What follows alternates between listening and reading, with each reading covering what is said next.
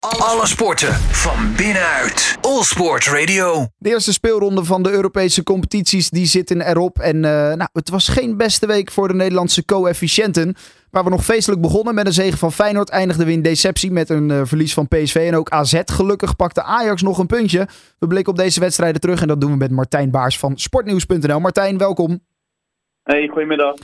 Ja, een goed begin van de week op dinsdag met Feyenoord Celtic. Maar daarna hebben we toch een beetje een uh, zure nasmaak, zouden we kunnen zeggen. Nou, zeg dat. Zeker wat we uh, donderdag voorgeschoten kregen in de Conference League en Europa League. Uh, dat zijn wedstrijden die we de afgelopen jaren zelden gezien hebben. Ja, uh, en dan doe je waarschijnlijk ook vooral op AZ, die nog met 3-0 voor stonden. Komen we zo meteen op. Laten we dan maar beginnen met het positieve, misschien wel. De enige winst van deze week. Feyenoord in eigen huis tegen Celtic in de Champions League. Waren weer terug op het hoogste niveau. en ja, die hadden het aan het begin eigenlijk best wel heel erg lastig, hè? Ja, zeker de eerste helft was het eigenlijk best wel gelijkwaardig. Celtic was helemaal niet zo slecht. Misschien wel ook wel de eerste echte test voor Feyenoord dit seizoen geweest. Uh, het, het, het, het, was niet heel goed, niet heel slecht. Maar Feyenoord kwam er inderdaad wel maar moeilijk doorheen. Misschien ook omdat uh, spits Santiago Jiménez natuurlijk met een, uh, met een schorsing ontbrak. Waardoor je ja. toch een beetje automatisme mist. en met andere aanvallers moest gaan roleren voorin. Maar ja, de, een gelukkige vrije trap. einde eerste helft was eigenlijk perfect voor Feyenoord om daarna de wedstrijd eigenlijk naar zich toe te trekken. Ja, zeker in de tweede helft brak het wat meer open. En ja, echt Feyenoord met een gelukje en penalty. En die ging er dan helaas niet in. Maar waar het wel daar begon, was de rode kaart die Celtic kreeg. Daarna kregen ze nog eens, speelde Feyenoord tegen negen man in de laatste. Nou, wat zal het zijn? 20 minuten zo ongeveer? Ja, ja ruim, uh, ruim 20 minuten inderdaad. En uh, ja, het had ook nog makkelijk 4-5-0 kunnen zijn. Sterker nog, het werd uh, officieus 3-0 en zelfs ook nog 4-0. maar beide doelpunten werden afgekeurd wegens buitenspel. Gelukkig maakte Jan Baks er als invaller nog wel even gauw een einde aan. Misschien ja, met negen man, je weet nooit. Eén counter kan dan verkeerd vallen bij 1-0. Ja. maar Feyenoord trok het toch in het laatste kwartier redelijk makkelijk naar zich toe. En is eigenlijk, zeker na die tweede rode kaart, niet echt meer in de problemen geweest. Nee, goed begin dus voor Feyenoord in de Champions League. Wat minder voor PSV. Zij moesten naar Londen tegen Arsenal. Ja, je weet al, uit bij de Gunners, dat is lastig. En dat was ook wel te zien, hè? vooral de eerste helft. Die was niet goed van PSV. Nee, niet goed. Uh, wel hadden we uh, een, beetje hoop. Want PSV had al 26 wedstrijden op rij, officiële wedstrijden, niet verloren.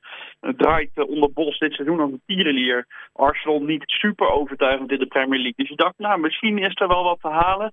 Misschien kan PSV een puntje uit het vuur slepen. Of in ieder geval de schade beperkt houden.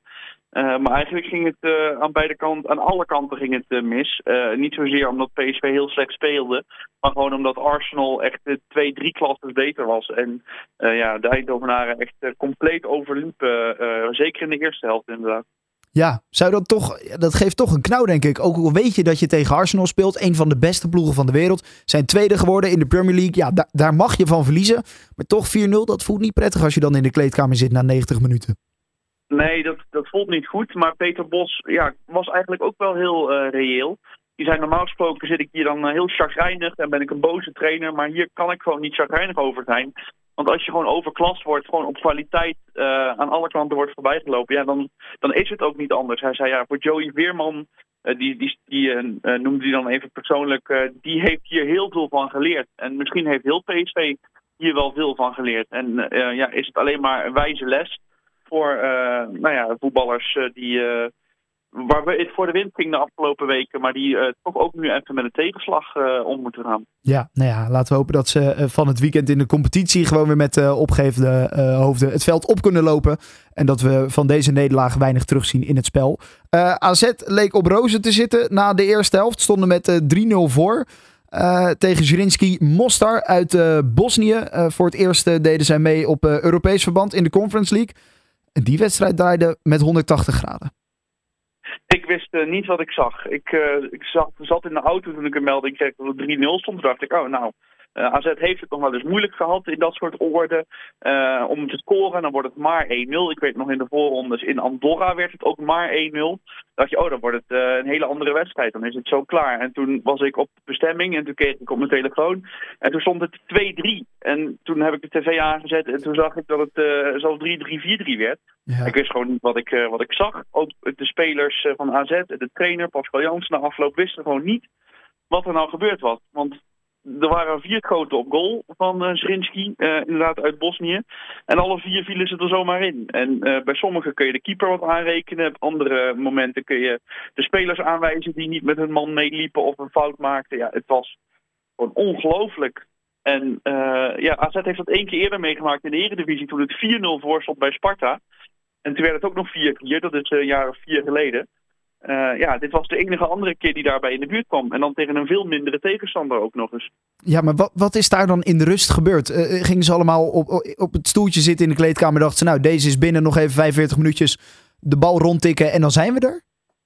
Ja, ik denk het wel. Al zeggen ze na afloop allemaal van... ja, we zeiden in de rust nog tegen elkaar... Laten we niet onderschatten. Laten we gewoon doorvoetballen wat we nu aan het doen zijn. Laten we gewoon de vierde en de vijfde maken. Dan is het klaar. Maar je krijgt toch, denk ik, misschien, misschien ook wel onbewust... een soort uh, nou ja, lamlendigheid van je. Inderdaad, we zijn er wel. We komen hier niet meer in de problemen. En dan hoeft er inderdaad één zo'n vrije trap... Uh, al binnen twee minuten in de tweede helft binnen te vallen. En dan gaat het toch een beetje spoken in zo'n klein stadion... waar de helft van het stadion afgedekt was met hekken zag er echt niet uit. Uh, ja, en dan uh, zit Matthew Ryan twee keer achter elkaar uh, mis, de keeper van AZ. Eén keer dus bij die vrije trap, de andere keer een voorzet die zo over hem heen binnenwaait. Ja. En dan is, dan is het gewoon uh, billen knijpen. En dan is het raar dat AZ dat maar twee goals tegenkreeg in de Eredivisie dit seizoen. Dat nu ineens vier en een helft tegenkrijgt. Ja, dat, dat, dat kon, niemand kon dat goed verklaren na afloop. Nee. Maar toch valt de keeper van AZ zeker. Hij zag er twee keer uh, niet goed uit bij die, bij die twee tegengoals. Maar heel AZ kakte eigenlijk in en, en kwam niet opdagen in die tweede helft, hè? Nee, zeker niet. Want uh, dat zei Jans ook. Het was echt niet alleen eh, de keeper die, uh, die misging. Ja, het was, het, Dani de Wit zei het goed.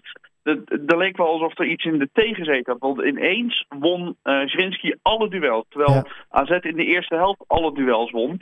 Uh, en dat, uh, daar ging het eigenlijk mis. Mensen lieten hun man lopen bij corners. Uh, nou was AZ tegen Bram in de voorrondes ook wel kwetsbaar bij dode spelmomenten. en ook nu waren het er weer twee die, die ze de das omdeden. Dus ik denk dat er wel wat werk aan de winkel is om daar nog eens goed op te trainen. Want ja, als AZ dadelijk ook extra tegenstand krijgt in, in de eredivisie, bijvoorbeeld van Ajax over een week of twee. Ja, dan, dan, dan, moet, dan moeten ze er wel staan. Want anders zit deze hele um, openingsfase van het seizoen voor niks geweest. Ja, ja. En de laatste ploeg, die, de Nederlandse ploeg die in actie kwam op Europees verband, was Ajax. In eigen huis tegen Olympique Marseille. Ajax, daar gaat het niet goed. Veel rumoer. Kunnen we ook van zeggen, van, van Olympique Marseille, kunnen we dat ook zeggen binnen de club. Waarbij bestuur voor een deel is opgestapt, de trainer is opgestapt.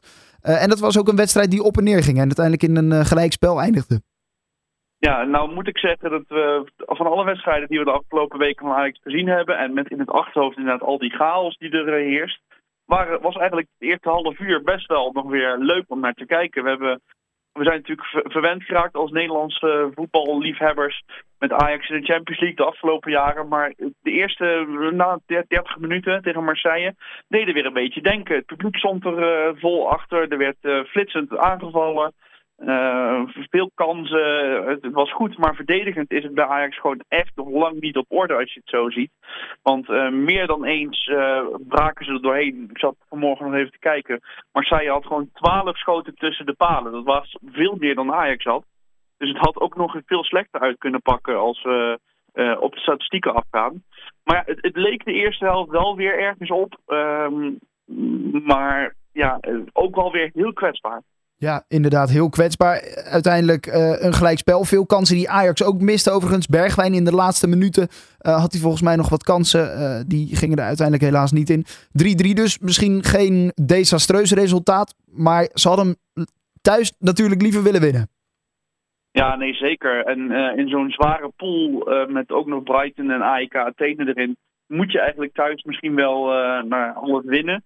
Om nog kans te maken om door te gaan. Uh, ja, dan is 3-3 thuis tegen Marseille. Waar inderdaad voor ook veel onrust was. Ja, had je misschien toch van tevoren gehoopt. Uh, om daarvan te kunnen profiteren. Een, een volle week kunnen trainen.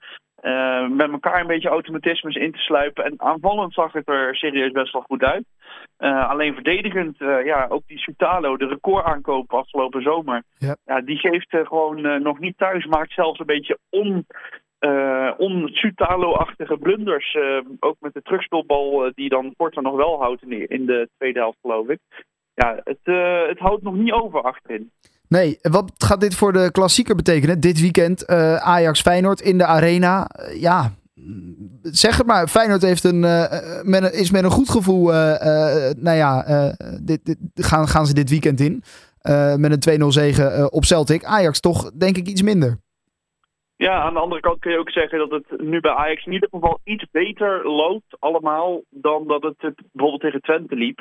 Alleen ja, Feyenoord heeft ook twee dagen meer rust gehad, maar is wel Ivan Nusic kwijt, de buitenspeler met het, een blessure.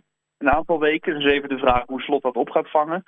Uh, ja, als Ajax tegen Feyenoord achterin net zoveel fouten en ruimte uh, laat als tegen Marseille, ja, dan kan het zomaar een klassieker worden die Feyenoord uh, met twee vingers in de neus wint.